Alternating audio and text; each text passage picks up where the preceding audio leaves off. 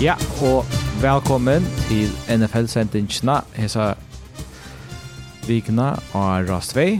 Vi sitter beinleis, senda, senda beinleis ur studion i uh, Saltingara. Jeg sitter her beint vi Peter Hansen og Agnar Presta er vi i telefonene. Vi venter kanskje en kjøremann som dukker inn her beint om, om en løte løte. Tid vi uh, finner nekker, nekker spennende dyster. Altså, jeg, jeg har sagt før at jeg alltid at uh, divisional round är han bästa rundan av playoffs. Alltså du mån till att du får fyra dister som typiskt är öliga går. Nu har man gått om att det är wildcard i det är super wildcard uh, weekend och um, den sex dister men det är ofta en sån där uh, som står moner av i och sjön man kan sätta ett uppsätt i mitten men divisional round bara det vi två goda distillerade två goda distill söndag till till typiskt liv som är också så jönt matcha. Jag hade absolut besökt oss nu. We are alltså i sørst rundt og Super Wildcard at det var øyelig öljan jeg var ikke man ska kalla det blowouts men månaden var større, fink og et oppsett, og, og så nu det snurrar history var nektatt der. Ja, jeg har aldrig aldrig ja, alltså jag aldrig det så det ganska vitt och visst nej wildcard för att ta det att det var att play som man man kan ju landa arm för kanske hvis man har sett för matchups och öppna veckor Iron Cowboys mot Packers och Eagles mot Buccaneers så man ganska vant där att det var Cowboys och Eagles hon vann grått men men så det var väldigt långt nytt ju och men det smäker nu så är det som smakar sig jag aldrig inte sagt för jag också att att han sen har det division playoff på kanske kör har hemma eh så lätt och ut och och hemma man så i häst för någon just Texas i kör hemma till där just väl väl men bara för att klara matcher Ravens i Rheinlandist och så fick jag väl vi för läge till vägen så spel så väl men men då klarar jag att skapa uh, något av vinna disten och och helt samma med Lamar. Lamar Jackson dem nu lunch med mig resten av disten är faktiskt spännande i höst till ända så särskilt är ju Totis när jag så väl tackar spela eh i San Francisco. Så är alltid det bara bagnalar som gör att de vinner disten så så så vill jag stått lite så och och är som kanske att ja, Art Kevin så John Luchley och som som Lions som order Jessica Aldan, som är playoff liknande och så som säger det det går gamla som the Chiefs som bara är en playoff maskinen alltså det fucka så har det spelat tar ut att här och så får det bara hålla vinna så nej men den öliga gå runt där han kan skapa som ja, så vi fick då jag sett av nu i Otis in the Morning Sphere, det ser ut som Berlin, men Peter kanske, hej, hej, negativ. Vi var också i Danmark, men Men det var väl stort att se det och nu alltså blir man spara 100 som det. Nej, jag går att ta till stort Berlin men jag ska ta i hela vikskiftet. Ja, men det där snö ja. Det där snö. Ja. Men du lägger om där ju ja, så det gör det. Ja, då. Det fick hon näkra för Danmarksmästare har vi. Det har funnits det. Ja, det det där snö. Ja, vi har nog att jag tog som vi snär snär dist någon som var i vi vikskift någon och vi får eisen hittas inte fram på Championship Sunday eh, som alltså som man ska ta en enkelt an det så hade jag eisen Championship, Championship Sunday är en rävliga sortlig där vi att man får sig tjej tummar där och så på det sånt här som det är någon för er men uh, vi får lycka att köra en uppsummering av de tog som har varit i NFL eh, och det är primärt vänjer. Eh jag att för inte så ska skrina ut i mun till skier och så som är signifikanter nu för hetsiga vikna och så som har varit vet inte tid.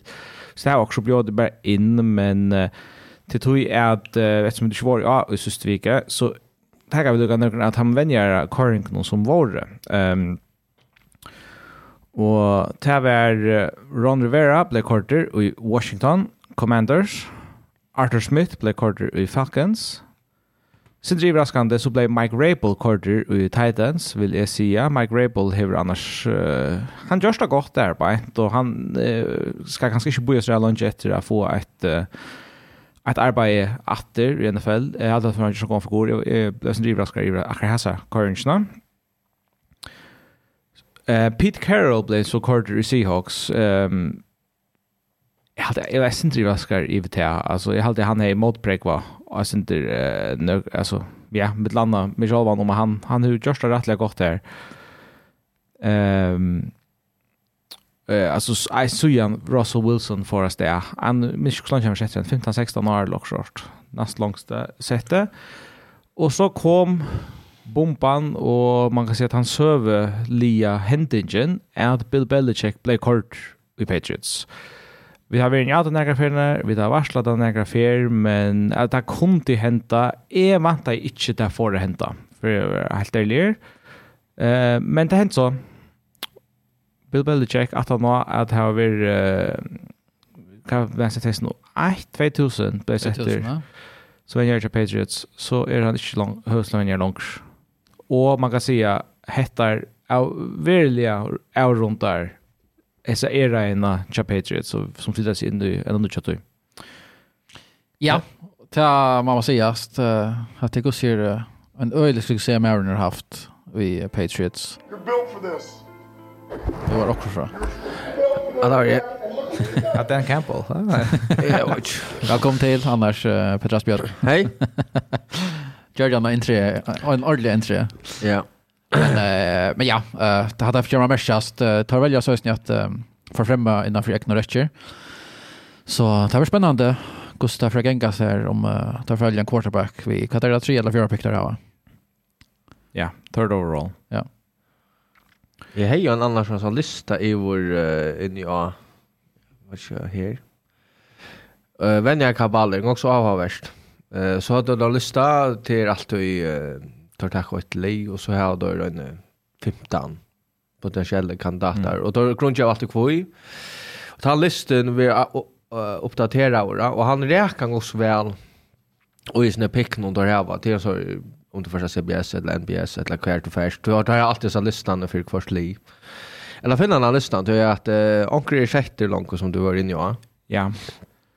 Eh, ja. Jag försöker att ta så om Jag lukar säga sen om här vi vi Bill Belichick. Ehm Så jag det men det är det är en sövlig händing och och jag kan skapa alltså i NFL så söver så jag Belichick är av man kan säga att han är bättre att vara han bästa vänner nära då alltså han har vunnit sex Super Bowls.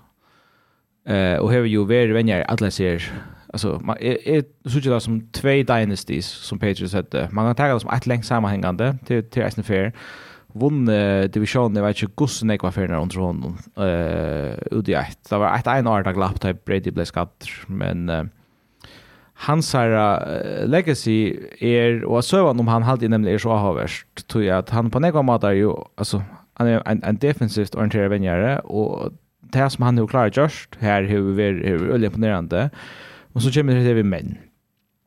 Og det er lukket hva vi er på et eisne, det er at, og det er ikke bare fortelling om, och Belichick man kanske eisne om alltså som som som människa eller som människolighet alltså att det hände ett ting vi eh alltså Brady nej Belichick här kände för det Eh alltså han har haft fotla uppert i Patriots Bay av like alltså alltså han har haft två roller Bay utåt och stora rollerna och vänner rollerna. Ja, tar skulle spela av några vänjer, tar skulle snäva en general manager. Ja, akkurat halt faktiskt där hästen där sätter jag en som är en intern här på en som minst rätt. Men eh lugga mig. Belichick kjenter fyrir at færa kjøtt vujer fra spilleren. Alla vi er pura kynisker, ongan lojalitet, ongi ætli til kvæt hevet du gjørs fyrir okkur fyrir. Man kan nevna nekva spillere som er færre på handa matan fra, fra Diamond, altså og så er det ordentlig full circle kan man säga at nu kom det til punktet her Robert Kraft sier Aska Belichick, nu, nu gong det ikke særlig godt langer. Vi talte til at hun tog i ferie videre på høyere, og så er man kaldt og kunnest for høyere, og sier, altså, så stinker man, man sier han er ikke på, så det var altså, et bit move, at køyre bit better check på handa maten. Um, det siste fem synes årene, eller for meg sin langer etter, så har vi better check tværfyrner rundt i slippet av i Brady. Først var det for Jimmy Garoppolo, at han har man draftet igjen, og Og ta, ta for Robert Kraft inn og sier, hva skal jeg? Nei, det gjør vi ikke. Vi får ikke køre, uh, vi får ikke køre, køre Brady vekk for, for Garoppolo. Og det skapte noen spenninger her på en, og det var jo sånn at jeg gjør det at han hadde det, så at man hadde Jimmy G vekk, så, så hadde man vant hver Super Bowls i Patriots. Men så var det atter ta i, da blir jeg ganske nye bakker til Brady, ta seg Belichick, ta, ta var det hans her avgjør, att köra Brady, alltså inte resigna Brady. Brady var öppen om han gärna ville fortsätta i New England, men Belichick ville inte ha han. Och man var alltså heldig att för vi är ända vi att Cam Newton och så satt ni drafta Mac Jones. Så Brady sa tog i Tampa Bay visste ju att han absolut än kunde spela. Och i den perioden är helt enkelt, vi säga, man kan säga nästan så stod jag så har Belichick inte draftat särskilt väl. Han har varit vanlig av free agent marsna någon eisne. Han har inte varit före för jag finner ju allopet att fungera. Cha Patriots. Og så var det eisen særlig han til at ta i Josh McDaniels förvojare så får han ivet till å sätta ehm tvara som gamla vinnaren som offensive coordinator som annars inte hade en bakgrund for det. Han tog større, større, større arbeid av de offensiva. Så det som sier, er søvann vi i Belichick, til det faktisk er maver som hever ekstremt stora suksess i sin karriere, men som ankersvekna blir hans ego for størst, og hans arbeid blir for stor, og han fer vekk fra eh det som Lucas som hever rikka Jones sin karriere och till det som det sista ända ända vi är vera han att alltså få han kort han själva ur Patriots. Så hade han lite för fortelling om det. Men helt ut kvar ferien? Ferien? Av er... Belichick har faktisk bare haft interviews vi enlige. Yes. Och till Falcons. Ja. ja. Och han fer till Uh, alltså i mån till heter det sig Ösne kvar då få eh såna från CBS Sports Lead NFL insider Jonathan Jones säger att han fer till second interview. Mm. Och här Jim Harbaugh är också ska till Falcons till sitt nästa intervju.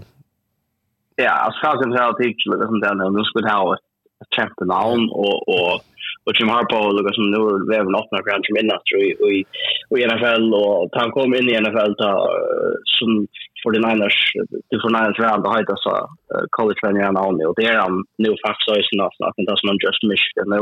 Men det stämmer annars att har haft Falcons har haft intervju vi ja lyssnar längre om 15 övnar så lyssnar han allt. Nek nek eller nek av vart nu tills det. Akkurat. Akkurat, men alltså jag tar Top Gun där där och alltså är är alltid när jag syns att alltså är alltid bara lite chans kan matcha vi vi vi Belgium och Fatums är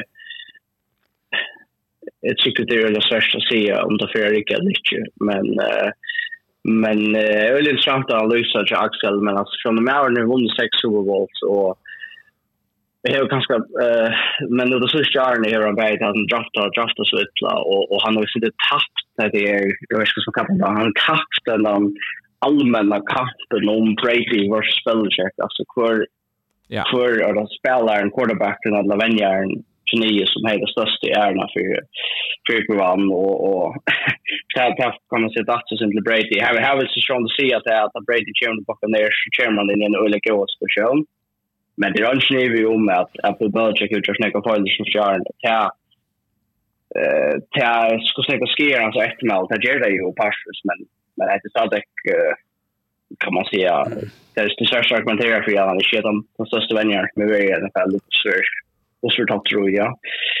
Så men men det är intressant att se om han utanför alla är så lika om om om det var riktigt, det går så väldigt tydligt att han och Petrus till till att vara tingsman det. Det har alltid det varit någon över.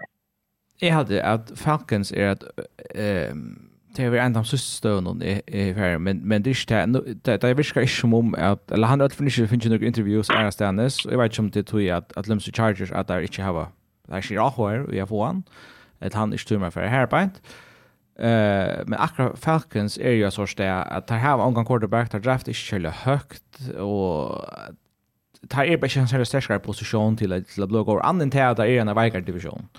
Det kan man så si, men det hej ja, jeg har damer det ytla. Fra Patriots så er så helt eisen det var löje at man forhoer fra, fra Belichick, men så teker så høyre hånd som vänjer altså Jared Mayo, eh, som var linebacker coach, som lykkes som ganske de facto defensive coordinator, og Ehm så jag helt för helt annan väg men men får inte vi tog ehm men några ting det som jag ser avhörs till vänner som anklagarna inte är rekord. Du vet här var en uh, Mike McCarthy som inte blev korter i Cowboys att han har fadesna i mot Packers. Och Nick Sirianni är helt inte blev korter i, Eagles att han har att här enda kappen går vid här bak sex av dem syns det tjej någon. Uh, Sean McDermott er envenjar i Bills at han har, man kan säga att det är kappingar är eh är så fyrir mer. Det nu har vi da marsna, vi har Jim Harbaugh som knappt vill vinna efter vänja i NFL. At han har at Michigan har vunnet national championship i college Og vi har Bill Belichick. Men uh, det er gode vänjar større enn det er ikke. Men neste år kan det vara att onkel gå vänjar större komma. Hugga Alltså det kan vara vi får Cowboys, Eagles, Bills, onkel av Timon. Onkel som Andy Reid kan finna på Jevast. Ja. Skal man nästan, det är nästan också ska Belichick kan se det rätt där. Visst är att han är alltså Falcons akkurat Mardamadich, det måste jag säga mer. Och Ice Jim Harbaugh alltså a fair hair bite. Det är helt vad löj. Alltså det enda som är helt attraktivt är till Chargers. Ja. Men det är alltså, ja, det är en samman, man behöver säkert vinna, alltså det döms nu, nu snackar vi om Jim Harbaugh, ja, kanske mindre lika, alltså ser man 49ers som tar er i ruin, då alltså tar er, alltså tar er aknöven som, som, som man, för alltså som är fel, att alltså att man också näck har hade över mial under mial och så hade vi eländig i några i i Fangemer och så är det utrymmande NFC Championship bara, ja.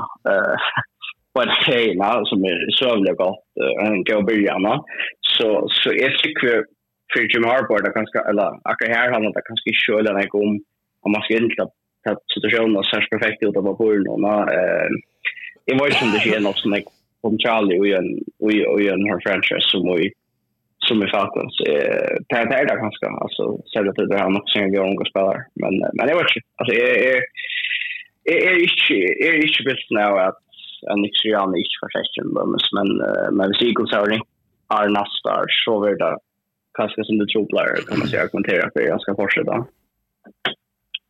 Jag hade bara att man hävt här alltså alltså man Jerry Jones Quick Hooks han inte där hade har vi möjlighet att få Bill Belichick här till som är Karam McCarthy ut. Och då samma i Eagles. Men ja, lugga mig inte. Ehm vi får vi är det för att Eisne noa att tosa sig mer om Disney som som är det och komma vid nästa vikskifte.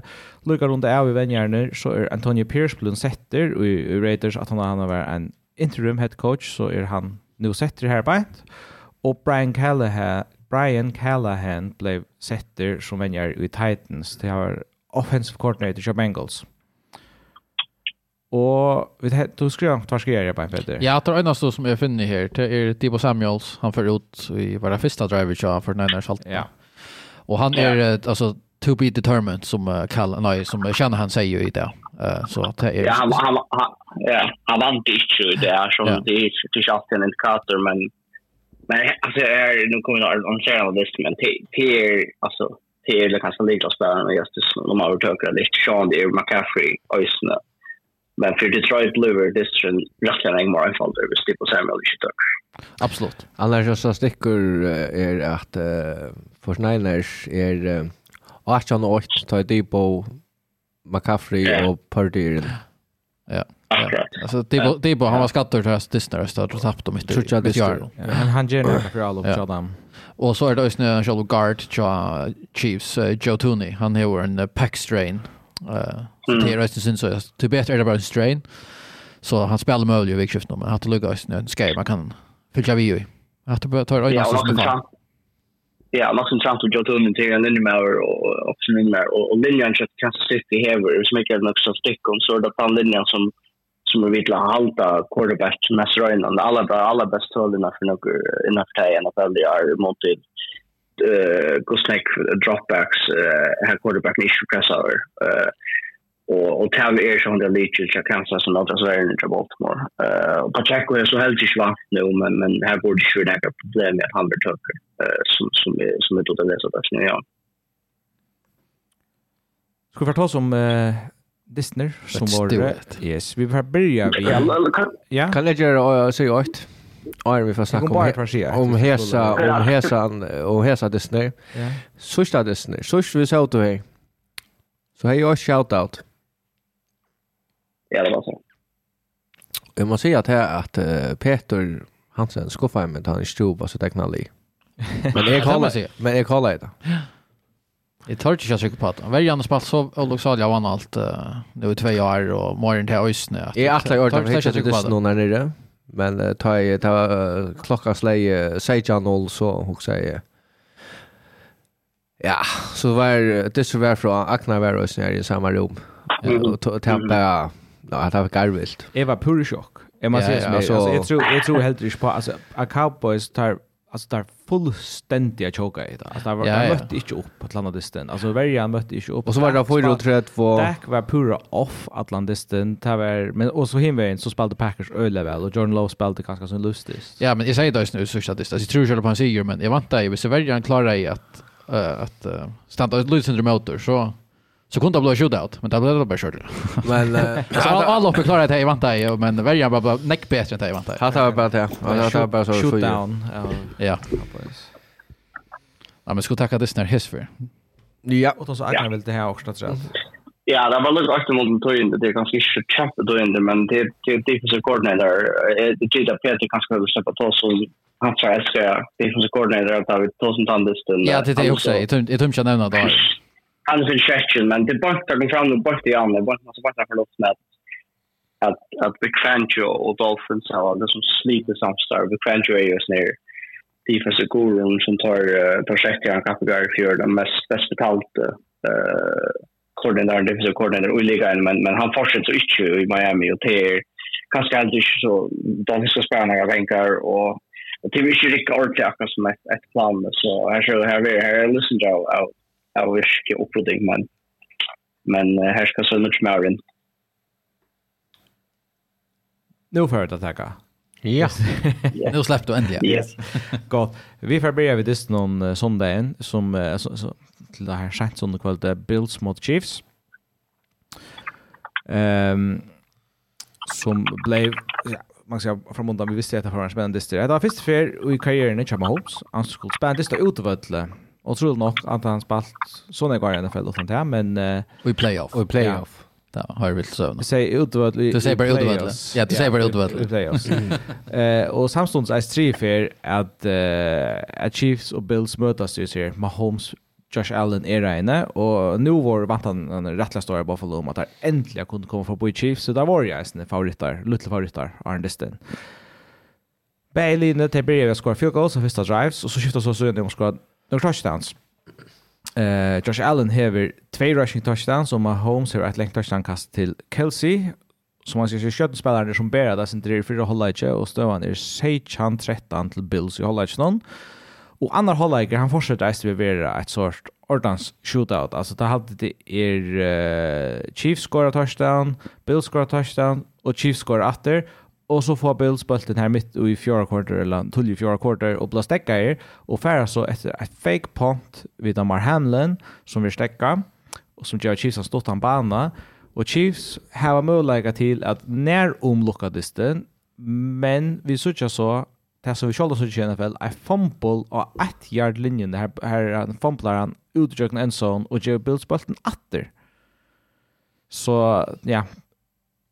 Bills klarar to ikkje at uh, gjøre mer vitt at her hava et drive i systemet enn dess noen her der driva alle veien og man og er i posisjon til at kan man säga skora touchdown og vinna disten møveligende ta få der så ikke gjørs der blir stekker la shot skjøtta field goal til overtime men tar kickar skjutran som man ser i eller som man man har mer av i, i Bills liksom mer NFL eh så ja historiker White Ride som är från Super Bowl mot the Giants i har fem så lock short att hade hade ett chat thing här och i Buffalo så his man ska skolt inte hese för så check det Heldrich Bills.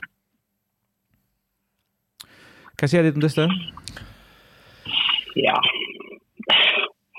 alltså det är alltid att alltså är här ju ena något kan man säga. Det här var inte nu nu har vi snackat om om Belichick och Patriots och och det är inte det kan inte spela det så huxar jag inte heter det är mindre jag syns om jag syns jag hucklar när jag syns om att det är egna Patriots så att det kanske vara på det bästa på en mat att det det är också sånt ju jag New England här då kanske inte är jag kan kanske inte är det bästa livet i grundspel någon här då man kanske snackar om att offensiv sker no gott, uh, Brady manglar vapen, han börjar spela så väl och så kommer det playoffs så är det bra.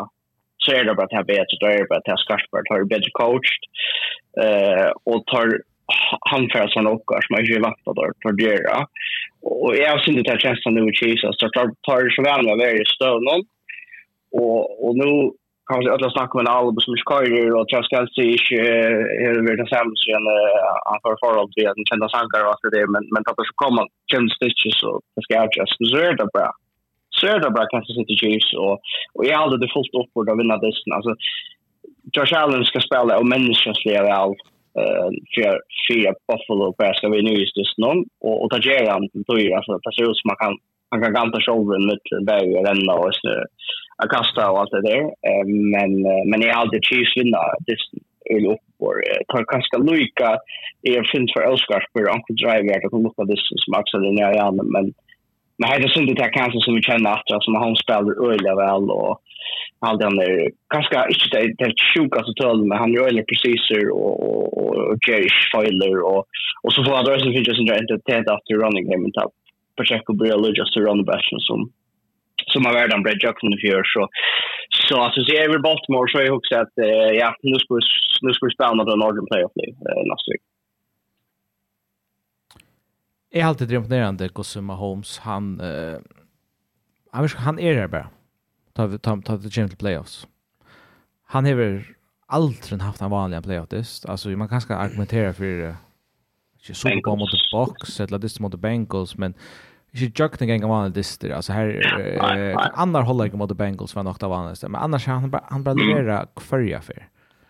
Han er en av timon fave spelare i NFL som, som litt i sitt nivå, og etter en som er vunnet tvers MVP, så ja, altså, det, det gjør han, det, og, og, og det skal han eie, um, så till Real positivt shot hemma att komma ut och skora tjej just i mot mot Bills utöver sånt det alltså och ta vad så jag inte här är att ta i Bills all uppe kort väl så klarar jag det här filtrar vi och det gör det där alla vägen jag kan skjuta så här på och, och till nämligen handan här ta som man verkligen inte bekymrar för eller som är värd för den här var klarat här att filtrar vi är skjutat vi snurrar allt någon och det här gör det så Och så i fjärde kvarter så var det väldigt spännande. Jag hade Lums Chris Jones hej särskilt några viktiga ting, alltså några några press och i all upp någon. Nej, väldigt nej.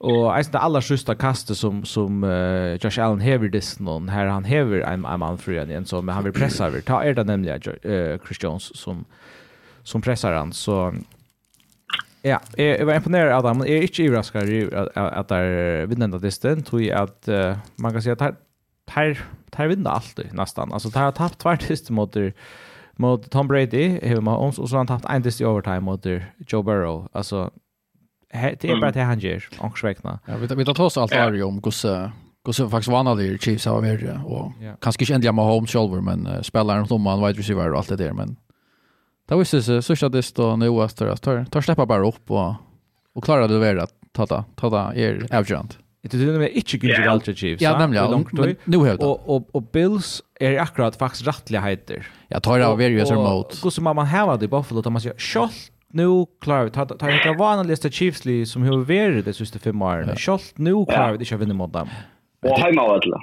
Hemma vadla. Och nu får man ändra Kansas kan man säga väck från Kansas i playoffs Alltså något som som kan man säga hinner in i AFC bara har drömt om det så kör ja. Eh Så det är öliga, och det är tandparsen jag vet inte hur jag väntat det till.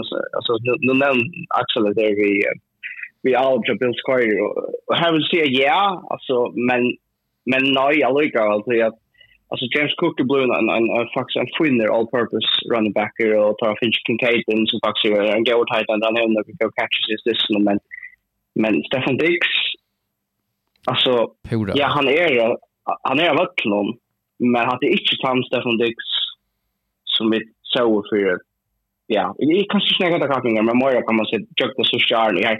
Jag har faktiskt en förspåk jag hade det i fjör eller och för att det också Josh Allen Stefan Dix alltså det är den bästa då i alla fall. Alltså bara annars är han också stått i så stickrar i mått för att finna framåt läsa dem.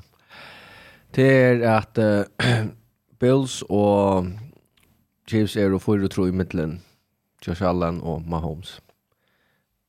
Men det tror jag er är i postseason och och han mode kvar för regular season. Mm. Ja, faktiskt är han vunnit öll i grundspel. Nej och ja.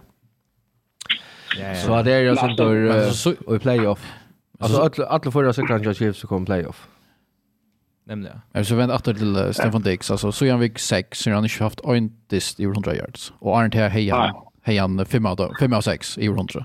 Nej, och här tog ju också en gäll i förhåll den här det här var så fram i 18 playoff här på mot Bengals så att här Alltså det Dix så jag hade väl alltså onkel familj som har gjort så att ta sig brukt där att och och till nu så långt fram i svikning om att han är fast så att det för Buffalo Bills. Och här är ett kämpe problem till att Buffalo spelar ju så Gabe Davis nu fick han knäsken eh aldrig i sista distan är playoffs.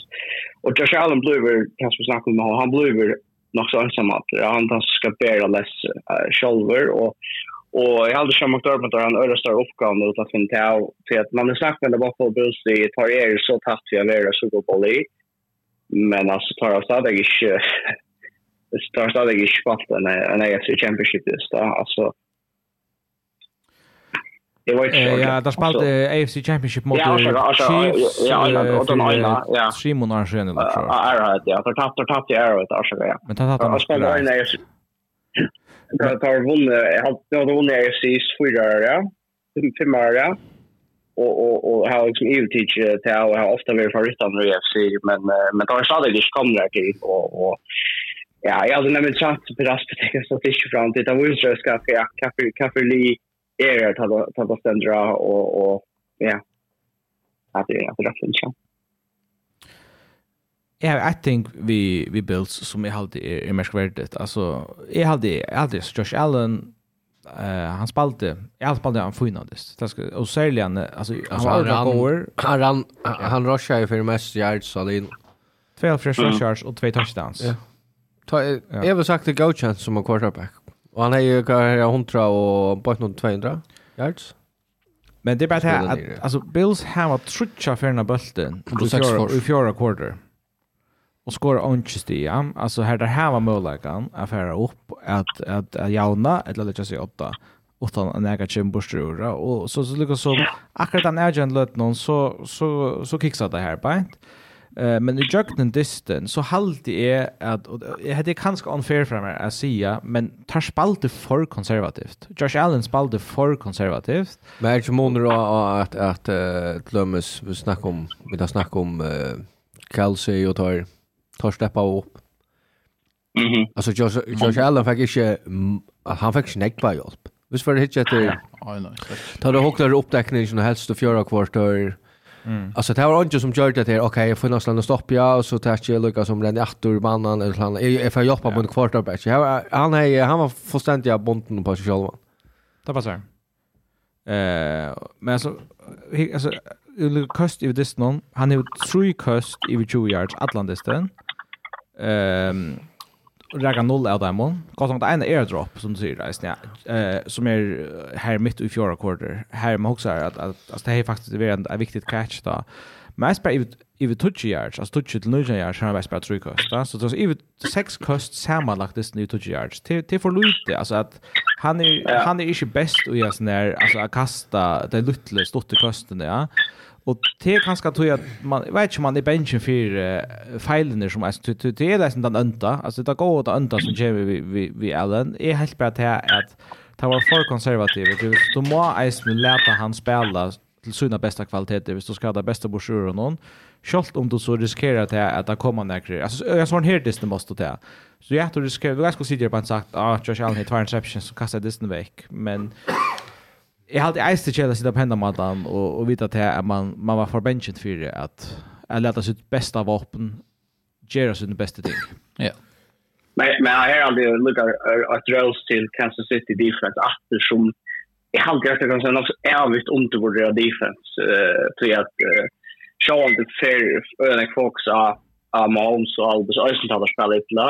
Men alltså det Kansas City Chiefs defense har earlier så lågt att då i att fantastiskt. Alltså man man är några chans i NFL eh eh att vinna Super Bowl så kommer längre playoffs så som man häver att missa där rymda bort defense och defense i Kansas City är är i toppen där och Christian så tar chair att de möjligt så att man kommer komma sig och ta. i hade ju också tävlar en öliga stor legion i Baltimore eh söndag till Gustav Stecka, Gustav Nekla tar att att Tolmala Lamar Jackson. Det vill stå klart att så har de en chans på Baltimore Ravens. Ska vi ha er? Yes. Uh, ja. vi tar disten i Detroit. Uh, ja. Lions og Buccaneers hette jeg faktisk første fer i um, i at manna minne at Lions har hatt fire heimadister i samme postseason. Disteren, det siste vike var etter første heimadister så gjør han ikke han John eller so sånt. Altså, skatt til Berry Sanders er in the Lions. The first and jo i sånn, ja det er 91 all, ja. Så sa inte 91. Jag syns det var sen då. Ja, alltså det var nog sist där eller sist vi går men ja. Alltså Nej, nej, jag menar Fischfeller vann ju i playoffs og i så ja, jag menar. Ja, till alltså till säsongen 91. Ja, det är samma kapingar ja. Ja, ja. Allt. Ehm och det först för det först för det är ju en championship this alltså på ända mat alltså det det tar ju svär så länge playoffs så ändå vunnit då i Shell tror jag alltid ta en out bara NFL championship game. Det är också så jag är sorry så ju vet jag också som inte kvar det sa då. Och man kan season tickets holder som är och så tror Ja, ja, det är jag nämnde som jag haft en sex ja, sex och köra. Jag har också stått lite jag sen där och så upp och där ja. Toilar rörtor och folk ser att lock vi han. Ja. Ja. Men på så sätt. Player of till Detroit, alltså flyer player of the Detroit. Alltså skabbarna eller så rena det att det är ja, det är att det vilt som tar igång det är axeln det som Man ska också minnas till att har varit och Aiden Hutchon er uh, tilltagen uh, kjentur för inte bara han gör next hacks, men han har också ett uh, Hard nok, minns du det? Video.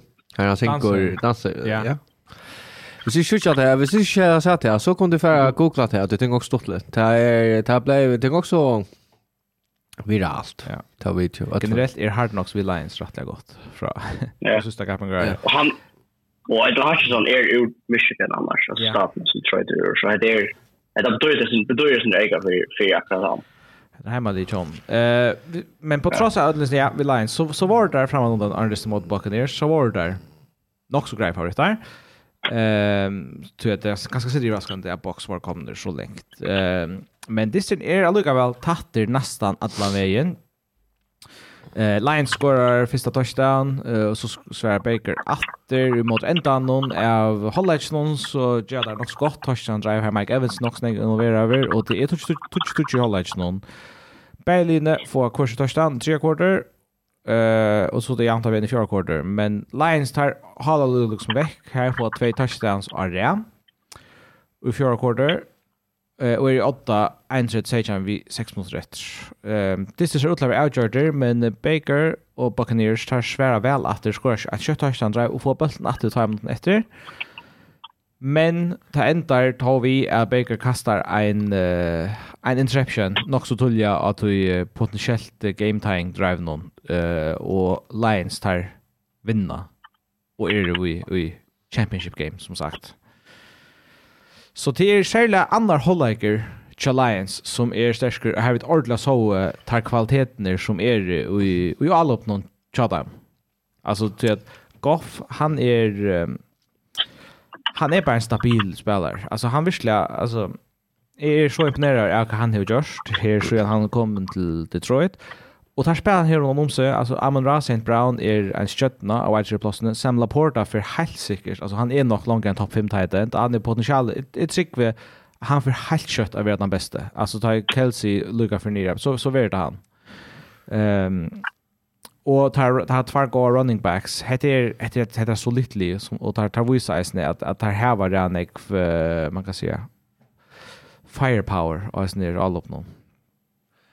Ja, jag måste säga det. Lions har ju östas statistiken att Harvard och Talia som uh, oftast var ett då i första vann. Och tar för och sko ett i första vann och Yes. Jag vill sagt här att eh uh, jag såg sagt jag också heter stort lite men han uh, kom så heter pura svagt. Det heter German inte och så står det men eh ja, kul. Tar och ta. Ta fungerar fort. Ja, Ja, och alltså vi mentaliteten att där vi snackar ju som de där som vi Dallas det snatter eh sen det crazy as no fact two point conversion. Och det är ju man man bränner sig ut i några för alltså Men vi är snär så rika då för för att det är att det är så tänka så här man man kan komma så skoj på ett rot att det kommer så gjort som man är genial så Så och tar jag spalt vi vi fotboll gear kan man säga allt där men i här så där så så det testar jag just det. Är det kunde det synda bekymra för att att Tampa kanske inte inte kom till Detroit och fick Josh Allen Akers så har haft några distrar av och släcka från jag och köra men men alltså nej det var det var alltså så lite så inte det har alltid varit varit det viktigaste. Absolut och att när jag har Rosa Lions så hade jag inte att alltså Buccaneers här här spalti upp till där alltså absolut 100% och Baker Mayfield visste i isen för mig är han uh, han är en en en franchise quarterback.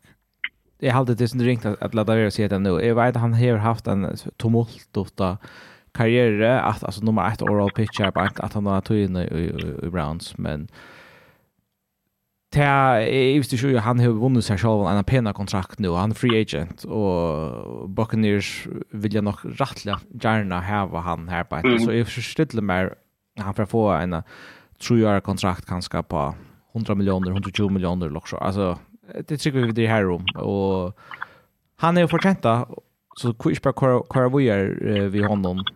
Ta ett annars ju inte. Han blev väl. Ja, jag hade absolut att ska skulle hålla fast i honom. Han har visst att han, han tog sig tänk och han är uh, alltså, en startare i NFL. Det var Luka alltså, som är kvar.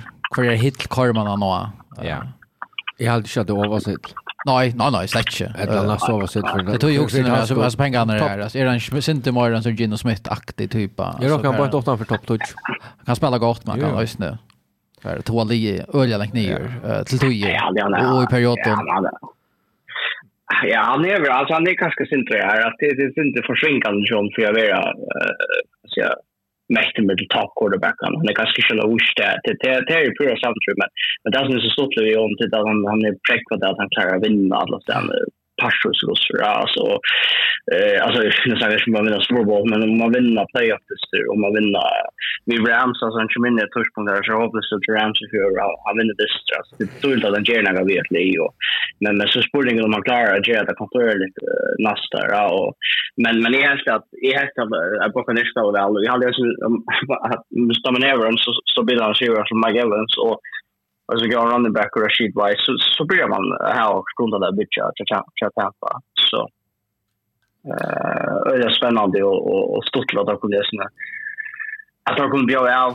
Eller kommer det play också faktiskt björa av. Men, men Detroit eh, för mig är ett liv som som kan vinna ett lopp. Alltså det, och det hade jag större av Wurst, att han förde Kansas på en av en om nu. Och jag tycker sagt, alltså tack och ny för till, till, till San Francisco och vinna. Så tar jag av åtta missa.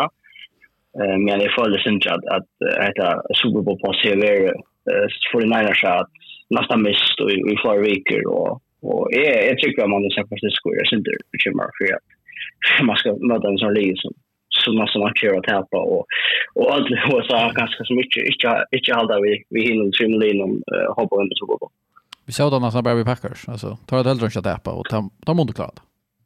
Ja, men så Så så samma stöva till det stövande men vi alltså i Schlegal. Ja, ja. Ja. Det är så absolut Schlegal. Nej, nej, nej, men det är men ja, ja, stövande nu på in och tar mentalitet man här. Tar släpper själv upp för Niners här.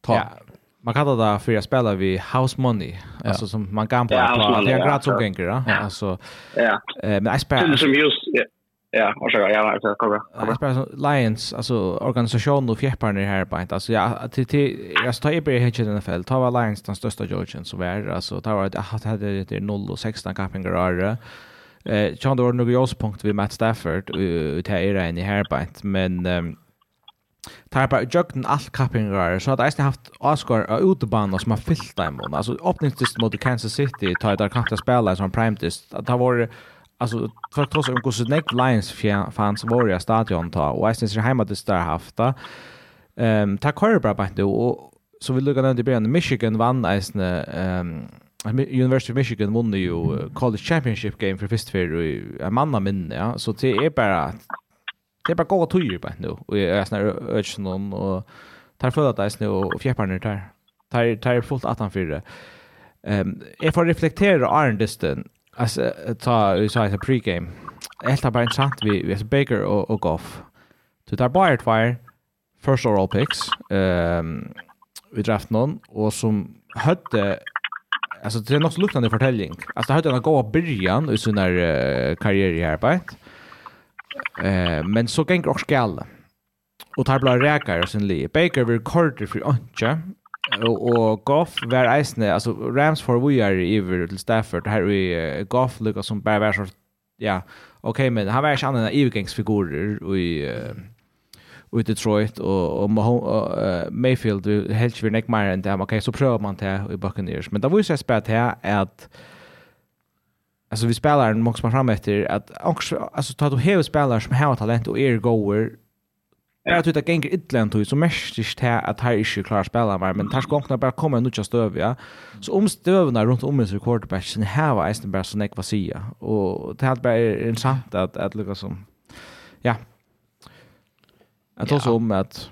Absolut, det är förhållande vi vänjer och allt det där, vi spelar stil och snackar man hur så man ta det personliga ösna till Roland och Garcia. Eh. Och ja, det bara gott att gånga väl så. Jag Baker själv. Ja, så det är det att när så stövna så så i i Browns man ju så på kort för och så så. Vi tänker mig känna Baker Mayfield så kan se det sin nu i hans college show så är de där intressant. Alltså det han var en walk on som kommer på men men ja, inte för att ta som det men han är en spelare som man lätt man lätt kan heppa på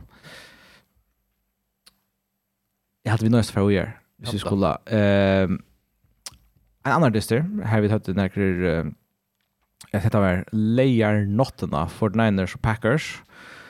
Mm. För Niners var stor för det där. Arne dysten. Uh, Lutsch och ett halvt poäng, var det? Ja. Och så har Tutsch, det är cirka som Cowboys dysten, gott nog.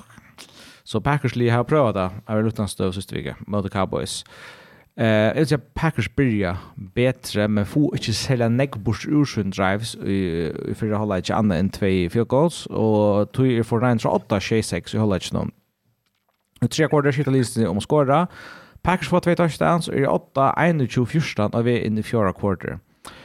Kyle Shanahan är på hetta tidspunktet 0 och 30 i sin karriere Han var 18 för vi tjej i första kvarter så man sa ordentliga linjerna alltså teckna er upp nu att en att att kollaps Shanahan kollaps at like ja Verda Purdy. I think allt kan alla utskrifter var liksom be skriva sig på men uh, stått att länka för Niners att få fylka menar vi får bollen att du får mot efter uh, vi capping guard så här linjerna och Purdy han han lejer ett helt ett öjligt flott game-winning drive. Han hever nøkker ordentlig precis goalkost, og enda vi så er McCaffrey gjør rushing touchdown er något etter, og Packers klarer selv å svære atter, det enda vi at, at Love kastar en uh, ganske sindre håpløs interception. Uh, Arlabut. Ja, vi cirka 40 sekunder etter.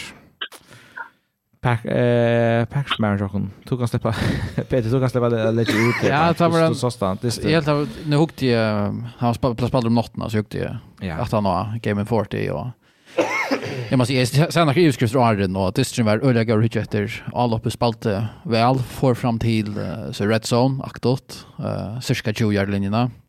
Ta sig gadar sin upp och då och värjan kör för Niners väg och alla tog med ta vart har suveräner och igen sån som säger här den där vi vid förmont field goal vi förra och här var ett en stöva kvar för ett jag fort down in i red zone Spotify synter så som så, men tar för ett och klarade inte. Alltså man kan se att här, där här var true drives i rätt så. Ja.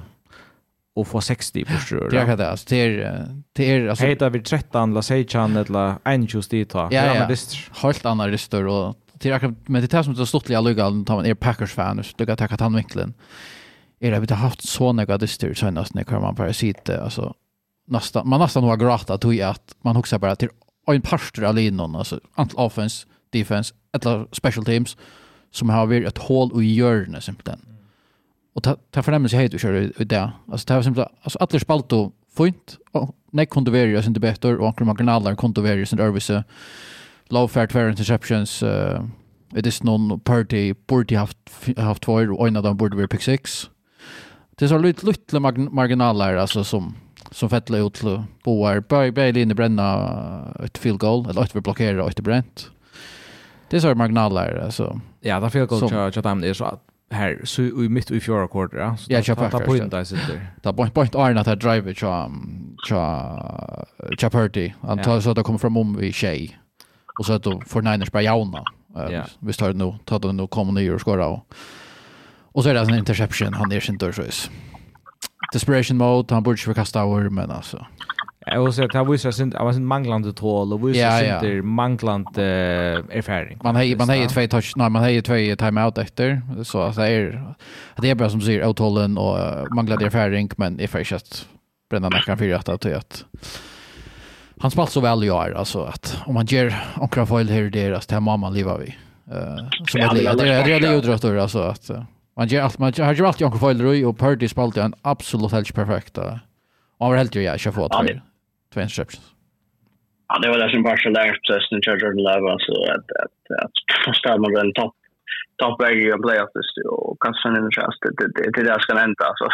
Det sa onkel onkel min så jag eller som alltså nu är Packers som den perfekta quarterbacken till att han kastar en sån farv interception och tappar mot mot för för Niners så som Rodgers så men men det är säkert att det är ett för alltså i allt det som imponerande vet du kanske det imponerande vi att att Nathan har hanterat så det så är John Disner på så Bay Iron kan säga att vi kommer play också så är det ser ut att snart med mot det Tvåm den specialist linjen och se att Sean Cowboys som vi där vinner matchen, det men Men man får ikke bare ned lade som skårer uh, noen forstivet som ikke, ikke next in gratt. Og Aaron Jones, altså man, man færre seg Aaron Jones kan man si at det er først kan bare rette tørsbok. Så, så jeg, jeg, vant, jeg hadde jo nok var ganske vant for det Packers liga. Det som at det står at det viser på. Altså han er han han har räknat som ett toppen i NFL. Det kan det köra några review om att vi gör shit som över och eh alltså jag vant det alltså här det Packers ligger ju långt och draft och väl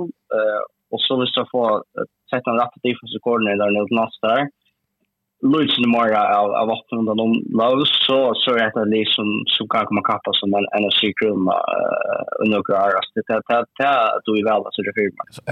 Hooks tycker bara att uh, ta få en, en veteran av wide receiver och kanske en quarterback, nej en cornerback och kanske en linebacker att rätta. Så, så är man här.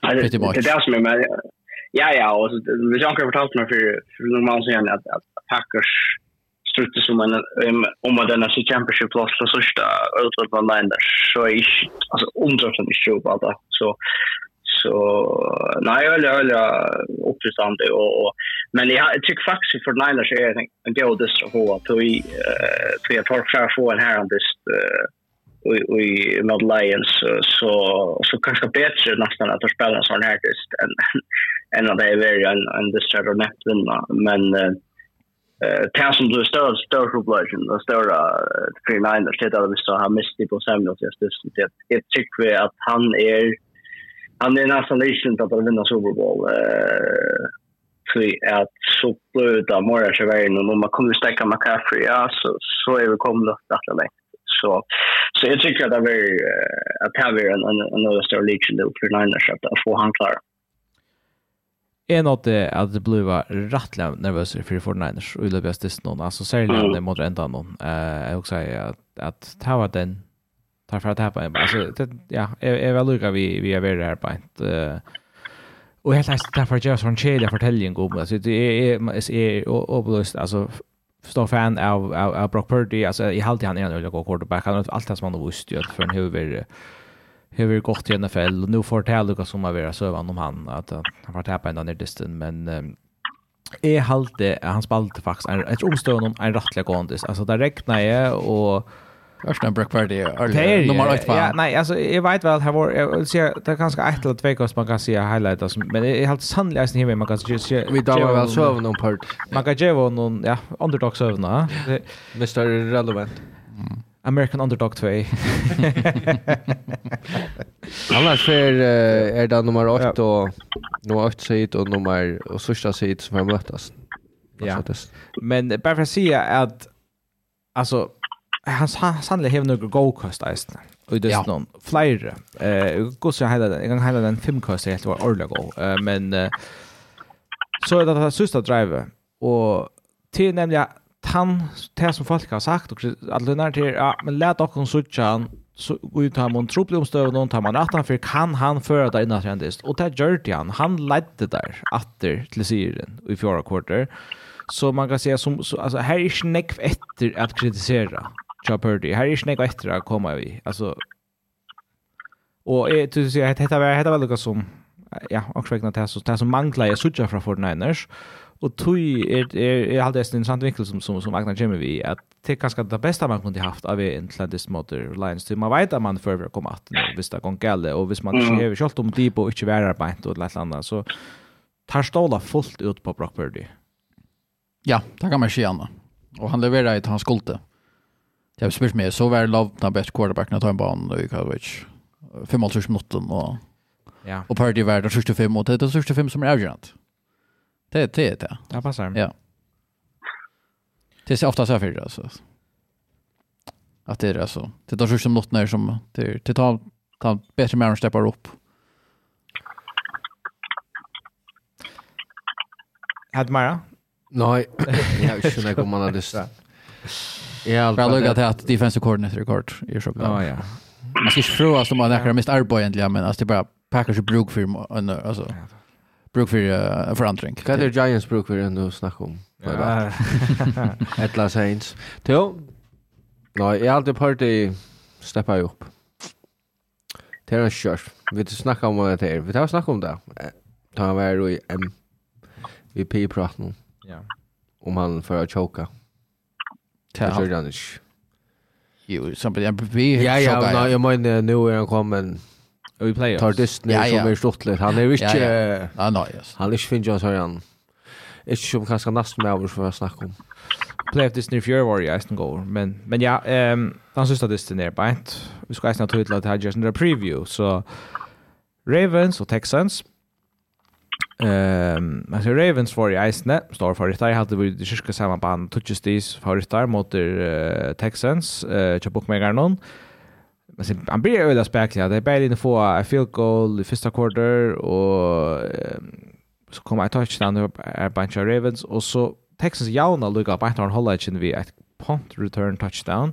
Men gör han håller så så är det bara en fortelling av Ravens tires tar kvar alla trummor där skorar för just i Texans få få anches det här på ett. alltså generellt Texans all uppe true the all och offense uh, Atlantisten tar blåsen där lockar nior av uh, hesa her Ravens verjene. Og hinvegen kan man säga da tek han løtt ja Ravens kom igång kanskje er det sin av, av, rust man kan säga for den ene spyr heldig det sin særlig vel så at den diskussionen vi rest versus rust. Alltså man vill att inte bara bruka spelaren så vi går chans att ta kan bli trutja veckors pauser man häver med att du möter en Texans Lee som akkurat spelat sin bästa dist i är någon mot mot Browns. Så det kanske inte så reellt ja man är synter slöver dist men att det tar tar konkur väl. Ja, ja Ravens så så är så så där närmast och stage lead och detta var den bästa playoff this som Lamar har haft i sin karriär. Til Lamar har eisene vært nekk kritisere over fire at hava spalt en vanlig playoff dyster. Og hetta var, altså han har två kast touchdowns och två rushing touchdowns. Rusha för 100 yards, kastas upp bara för 112 yards, men är effektiv ute så han spalt väl. Ravens tror går ut. Ja.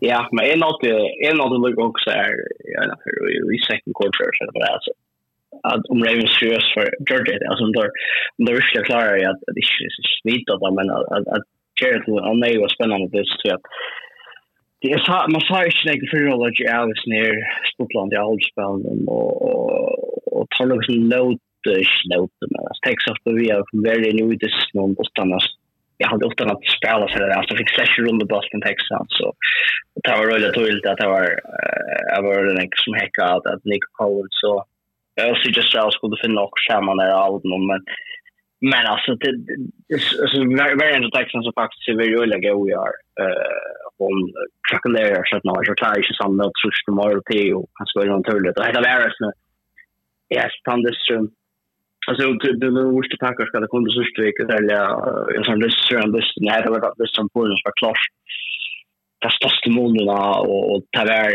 kanskje bare spørsmålet med to gjerne at det er hens på hent i og det, det er veldig fornøyelse å se Ravens fast at det virkelig holdt oss ut i eh tar er man ska huxa oss rena man ska alla tiden hålla check Lamar Jackson samtidigt som man ska täcka rotar och Charles Ewan och allt det där och och tar man äldre och snäta man kan inte så ska dra okej ja så i uh, kan man säga att han inte större men så är det så likely bara funnit ett högst i och hur två touchdowns och och nu kör Mark Andrews ganska entusiaster till till championship distance så så man kan säga att um, att Spagnolo det finns ett corner där reduce han är näka Gera är så vik ner och och och tar skulle finna det rätt att inte fram för att för att komma ta Lamar som som bara nästan inte höjler efter och men men det som kan man säga är för Texas är det så viktigt att ta ta det här framtiden för för Shire och haft så rent kappingar och Stroud the rookie of the year och och och Demi Ryan ser med ett ett coach of the year candidates och allt det är stark och nok och men för Ravens för mig så är det den skogen som går mål alltså det det tar jag så här ut från church som det är AFC att får lunch och är aldrig för niners how low kanske för ofta i är mot kan man vanta i kalkulera lite inte så så för Ravens så ska så ska de nästan vara nu. Ehm och jag hade ju såna till eller stort lite att att John Harp alltså John Harp för kanske inte eller nek kredit för Darby och Jerry sin som som Mike Tomlin löste men men uh, han och, och Lamar i en Super Bowl till alltid att uh, det är fantastiskt uh, att säga men är ju bussrum att Baltimore att testa till det yttersta uh, nu sånt där. Det var en helt annan lyster som de skulle spela mot Chiefs än mot Texans. Ja, oh, häckte det med. Ja. Pura samtur vi ägnar. Ska vi färd... Det är som EU-gäng för att ta som distans sånt där. Ja. Lad dem göra det. Men jag håller på att jag att vi där inne jag CJ Stroud. Men han är absolut vi då snackar om det för sen det kostar näck och en en quarterback här och så jag kan fyra det. Han är ja, tar rakt sig men så bankan i hött. CJ Stroud. Och istället vi en god quarterback han kan skåra näkt. Ja, så hade den bästa rookie cappingar, quarterback cappingar alltså som som alltså jag menar men ta ma där vera och Texans have a extra cap space. Där har 45 miljoner tre mest i NFL. Ja, akkurat också cap space. Aknar aknar vi det är väl vi det är väl vi Saints och Dolphins cap space nästa. Störst minus, störst minus, störst minus så så så där sparingar kanske mer än gamla man ska börja vi så. Alltså vi där var Saints över cirka 34 miljoner dollar minus. God. Wow. Og Dolphins är 1,5 eller 2,5 jeg, rundt där. Ja. Vi har eh sett att det perspektiv så är vår Texans halvfjärs. Och i skott. Ja, alltså och i plus i cap space. Där så att det kom för ut vi helt brukar 40 miljoner. Vi skulle vi skulle finna 3-4 miljoner. Det som är lite är det här sitter Stroud Boilers. Det är sus första. Han rada Boilers. Filmar det och kontrakten han har rookie kontrakt. Då har kommit faktiskt för ut att spendera oss inte till att att uh, bolstra. Är det okej alltså i ju raskar Texas Chamber Chamber nästa år. När var alla försätter för att uh, absolut. För ja, Men annars borde vi då stage cap space uh, listan uh, att han nå en affär. Ikke ich är så känd men han han er också av vart det hitch man man man vet inte ofta et Lin och så ser vi ja men tar jag så snack picks så tar jag så så men man tar också Då blir också bunden av Capspace. så tar mod, man må, alltså det spelar också in. Uh, hvis folk vet att mm. du alltid att du draftar och du får spelare in och allt det men Men, cap Capspace har det annat säga. Och för de som kanske inte aknar eller lite mer som, som det ser gott ut, så, rymliga. Så, så för ting och särskilt händer sent till nästa år. Tror jag att Capspace är bara så ohyggligt högt. Så jag, är det nästa dess, eller? Nej, nästa dess. Ja, men da finnes det en sånn dag til er Chiefs Ravens som spiller klokkan åtta, er det. Ja. Um, og til er nemlig, men ja, for Chiefs så er det nok, jeg synes altså ja, det samme at man spiller utebana, um, og jeg er en ulle tropel motstandare, men um, jeg føler til at presset til ligger av Ravens, nemlig han er også till till er omsvägna nu alltså hvis at Chiefs skulle skulle täckas att alltså ett satt area där i championship game. Och är nog där där vikaste lider haft i sig sex åren och så man man måste sitta efter på ett och särligen vi alltså Lamar och och alltså Baltimore Ravens att vi är bara bättre nu. Nu måste vi för. Alltså heter det akkurat då till att komma Super Bowl. Alltså tam tam har bara så packsmäkta så kör press i rätt. Så det är det chief pjövast det är. Jag kom Super Bowl det är alltså tack för kommer gårstar. Alltså tar jag här så ofta för så så det är faktiskt min observation att uh, press ligger Ravens. Ja. Ja, är sant. Och vad ska Jag kanske vill annan samtal samtal Det är titta om de klarar upp till det här om det är om det som vi där har tagit som för om det om de choka. Alltså det här har varit bättre Leon, eh Ravens, men uh, ja, det är så att det vill Lamar. Vi har sett goar och ringa dyster från honom och tack tack kanske vänta Chiefs var en är öliga gå. Så det är den trubbel dyster så hon att spela. Veckre kan ju alltid vara som svingande i arbetet här norra.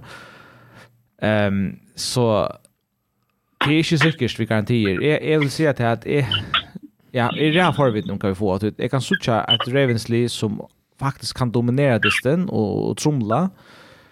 Um, men det kan också sucha Chiefs gör det. Och är färre faktiskt att täga Chiefs och vinna dyst. Det är bara att det är med Holmes och Reed och andan erfarenheten och det man har verier för och allt det är Jeg halte til er, ja, jeg får ikke om sånn er veldig mot Chiefs, tror jeg, at at nå da visste mot Bills, tar er bara här tar er bara att le alltså skolt om det ska gå väl så så så när det kommer in playoff så knappt så ser man att det ja hette.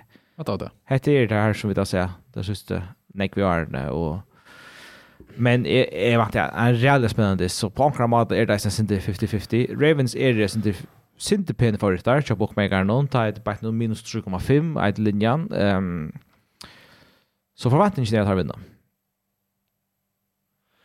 Ja, det är alltid man borde ta ta ta vill jag som vanta lugga shot om det är shot om det är Chiefs man vet där kunna så så här var det bara hade är var ett bättre overall det alltså a bättre offense but no we are och defense är ösn och hyckligt. Så det kunde sagt han stäcka alltså vad det var nu och och Charles Kelsey. Shot som har för vi tar för. Men de manglar lugga Marlon Humphrey så och alltså eh hvis man ikke så den ska ikke på det arm alltså Chiefs kom in till playoffs där och fuck is så okej ja har vi men men där var nog i Shara och så då då vinner det några små Albion alltså Dolphins ja det var ju att har inte eh han har spast väl mot Leon och allt det men tar trots allt det kan man säga det bästa offensen nu ligger än i år där skymtar bara locka där ner i första dysten och så får där till Buffalo och vinna och så har där Ravens efter. Alltså Bengals play ju ish tas Bengals skulle vara jag det bara ångar det så kan alltså na men men annars hade så det vunnit jag så det vunnit jag sen jag björn och och och och så hittar bara liksom very knutsen att att de lyckas attacka och, och vinna Ravens så men är är för för för alltså our där Eckline Friday som som vi ofta snackar vi i NFL om som som hör gott är han han, det som han sier, det er noe som er der uh, visse at um, altså, jeg kan slitt klare at det gjør noen diss her som Ravens skulle vinna vi 18-tallet mars kasta ordentlig nek, altså vinna dissen at han bare vi armen noen uh, plus vi running back noen, så er Kansas grøy for det. Det er å si, altså, hvis man klarer å gjøre noen diss, det er hvor kasta bussen bedre. Nesten bare det, ja så är man knappt nok så større favorisering til Kansas City det jeg skjønner meg. Tror jeg Mahomes er så mye gøyere. Altså, han er det, altså, det største antallet i NFL. Eh, den beste quarterbacken i NFL, eh, kan man si, på rødt kast. Eh, Lamar er øyelig avhengig av ballen enn alltid, selv om han er utviklet, så er det ikke som kastspill. Så, så er det samtidig, tror jeg, altså, hvis, hvis, hvis hvis du run Lamar Lender eller vel så blir han så blir folk så defense run next early as the pa pa stäcka home någon och så blir det more opportunity receiver så det. Ja det kan det kan topp topp receiver alltså Flower Spectrum och Erkel kunde gott vara gå med lunch. Alltså det är några receiver här också han vinner en han vinner en Super Bowl för det ja. Så jag har väl riktigt att jag söker kan veta ska alltså vi har kallar det några väg men men det går så eller bäst som vi ser en diskussion som jag med og at det var en dyster til overtime. Det er trygg for føler jeg på. Og jeg vant til last her, vi kommer så gjøre Kansas City for den store klokken nok snakk. Alltså, i mål det är explosiva Kansas City offensive så kanske liksom den så det är klocken nej. Röjna få på check och running game och köra på ankra mata. Eh, men alltså jag har ju inte riktigt kan man ska tippa så här det är inte riktigt tid där. Men sen riktigt tippa mot Kansas City i en sån playoff-lista. Koj, det är det som är. Ja, ja. Jag tycker allt ju mot Chiefs. Det det det simpelt på grund av Patrick Mahomes särskilt, ja, men men vi ska bara ta det locust och ta Kalias som spärskar ju ut och så är Ray och hemma vart den last det, Så är Ravens en en lut för riktigt. Tar han tar han tar först och höra dessnar plus första.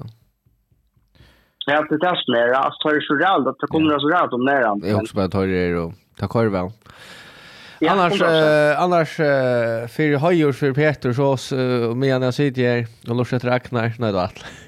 så kommer jag några groin. Och här åker eh, fakta och just nu. Peter. Ja, det låtsas det. Det är eh, tre och fair att det är eh, MVP och mot MVP. Och så.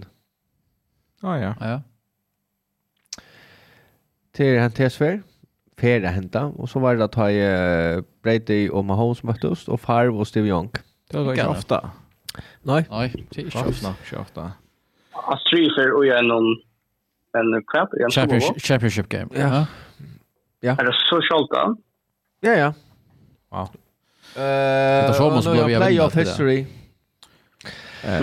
Annars fann jag också och i mycket så ständer här att det är vi snackar gång snack om uh, quarterback Char Ravens och Char Chiefs. Men uh, man ska inte glömma att, att Ravens och Chiefs här var två tops alltså topp 2 scoring defense i NFL. Ravens är det första lio i sövne i NFL till att uh, lita lika ena och i scoring defense takeaways och sex. Det visst faktiskt jag. Ser du? Jag hejdar fantasy, jag vill spela från next day. Och Chiefs är ju det första livet så jag 2011, alltså ta för Schneider skörda till att uh, hava alla dessa under 80 sti i regular season. Det är flott alltså, ja. Annars vi heter Andrew. Ja, jag är flöjd, men men jag hooks på att det är ofta vi sätter folk så att det är och så kör man där så får man läsa stitchen och man ser för sig landa och så också man okej, okay, det här kanske blir Och i mån till att vi bara snackar om quarterback och i mode quarterback. Ja, ja det är ganska kött för att bli en olja defensive distor. Alltså. För defense kunde dominera. Jag tänker som vi har glömt det vi tog och allt det. Det är att Mark Andrews, man vantar han kommer att.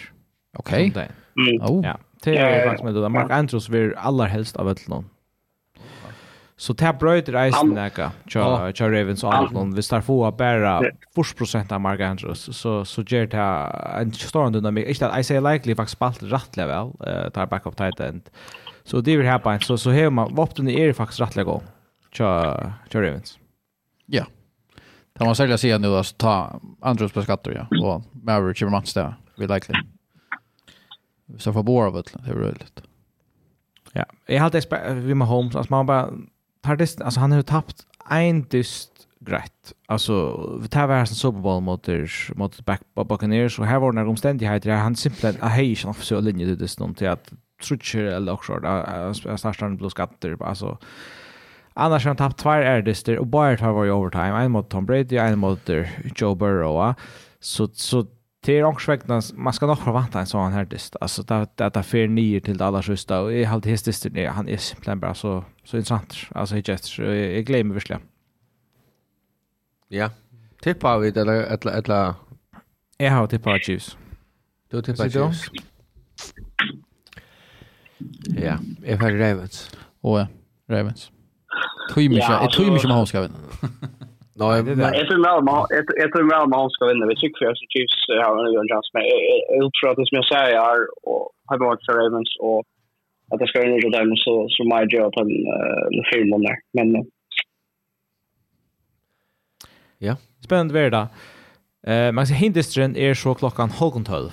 Ehm, mittlen för Niners och Lions. Her er uh, Lions a Lloyd Center uh, Mara i underdog-rollene eh i till så så alltså här linjen faktiskt för Niners minus tjej. Det går också nej. Eh ja, jag håller till sen det för nick. Alltså det här undervärd alliance as inte här på. Alltså man kan säga Lions är li vi flyr an eh och det såg ganska synd mot Buccaneers men ta det gång väl till Lions så så kan så gånger det rättliga väl och jeg trykker vel at her kunne spille opp mot 49ers, men jeg er samt og jeg 49ers er favoritt Anders, håast alt. Men jeg synes sant på at jeg ikke hvordan om, vi er omstående av det, tror jeg det visste seg at vi er sin en troblaga, tja tja Timon og selja tja Brock Purdy, hvis det ble for forringt, man ser i veksjon og tilskanska. I think som kan Så gott att spela hemma. Ja, men ja, och där spelar som sådana för det, men det kan gå räkna inte där i San Francisco. Räkna räknar mot Packers. Men annars fann jag en statistik till din. 18 nu. För Lions. Road to Redemption är i utskriften. The Lions tar jag inte vunnit en road of playoff game så gärna Shell tror jag. Det där vi tar snacka om Shale tror jag. Tar har ett lov dyster, alltså playoff dyster.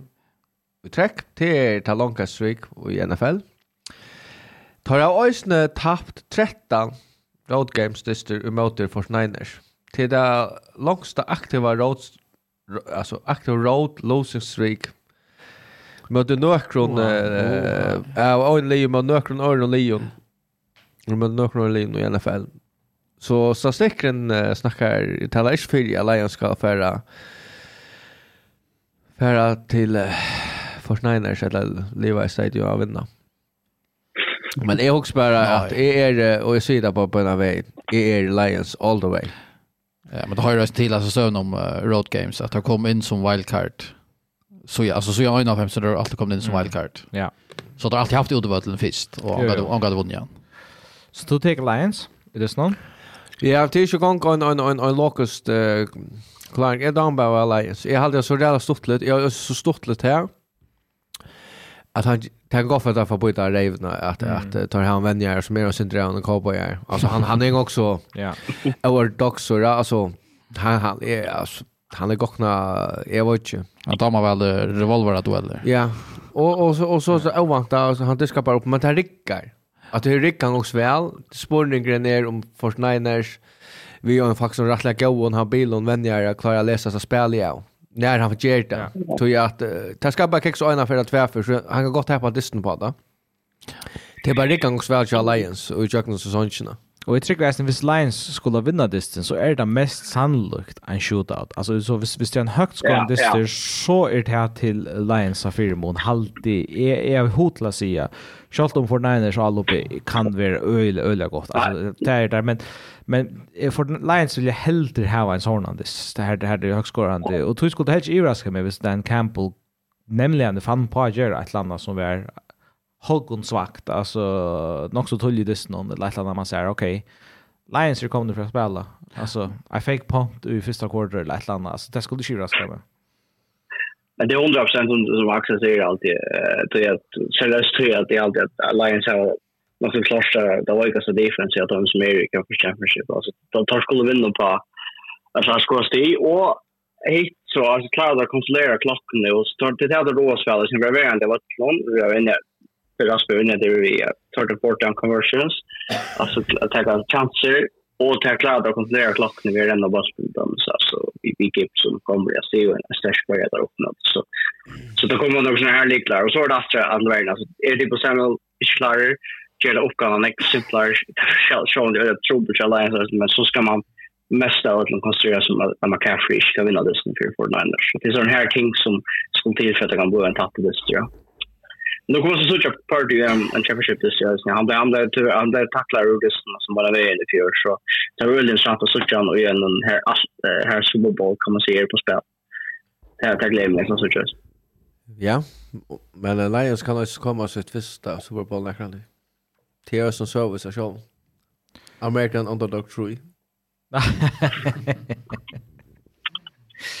Nej, det är gott några en redemption så att jag jag jerk off hvis uh, hvis det skulle uh, hänt så alltså det det är ju det det är ju på något modelling.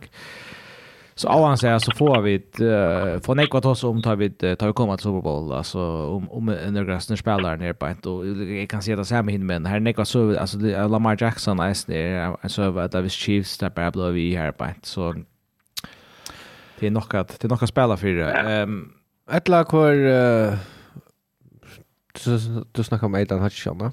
Ja. Nick Bosa, är han inte Ohio State? Jo, jo. det var han ja. nämnde. Det är faktiskt rivalerna som det är. Ja, Detroit och det området jag arbetar. Michigan och Ohio State är sort. Ja, det är allt att komma.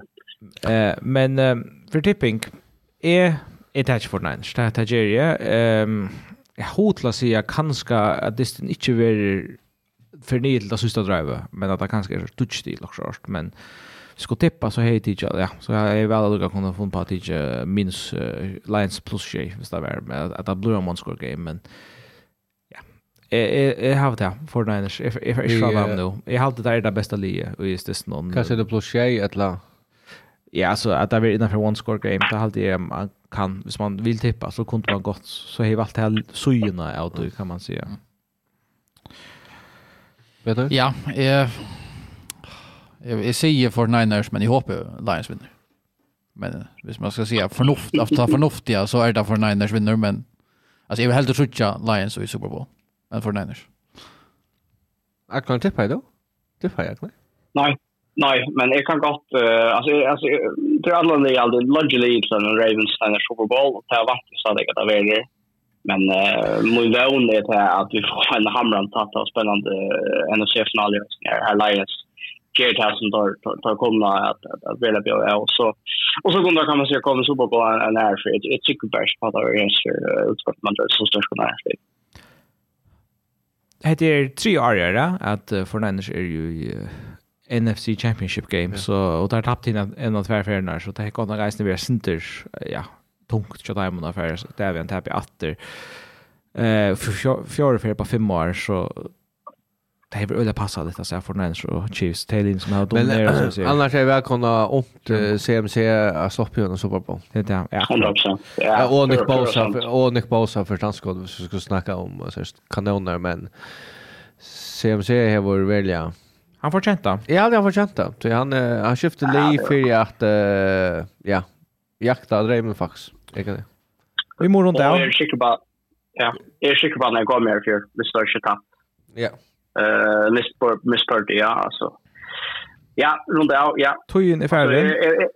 Ja, jeg vil bare lukke å si, ja, altså, ja, jeg har kjoldet lett snakket en sånn der han kjører nå, altså, det er vel pura vist, altså, jeg pleier ikke at how for your league has nu so okej det well så jag ser Super Bowl so så där vi har en final först och jag hoppas det är en final så för early championship just det jag hoppas att man får för det som som är något du så just Så här har vi några det att finna mäten att vi är som ska vara och ordla få sett sena till. Det här blir gott, helt säkert. Så Vi er klare etter til å takke sammen om neste vike. Takk for at du lortet vi NFL-sendingene i Savikna.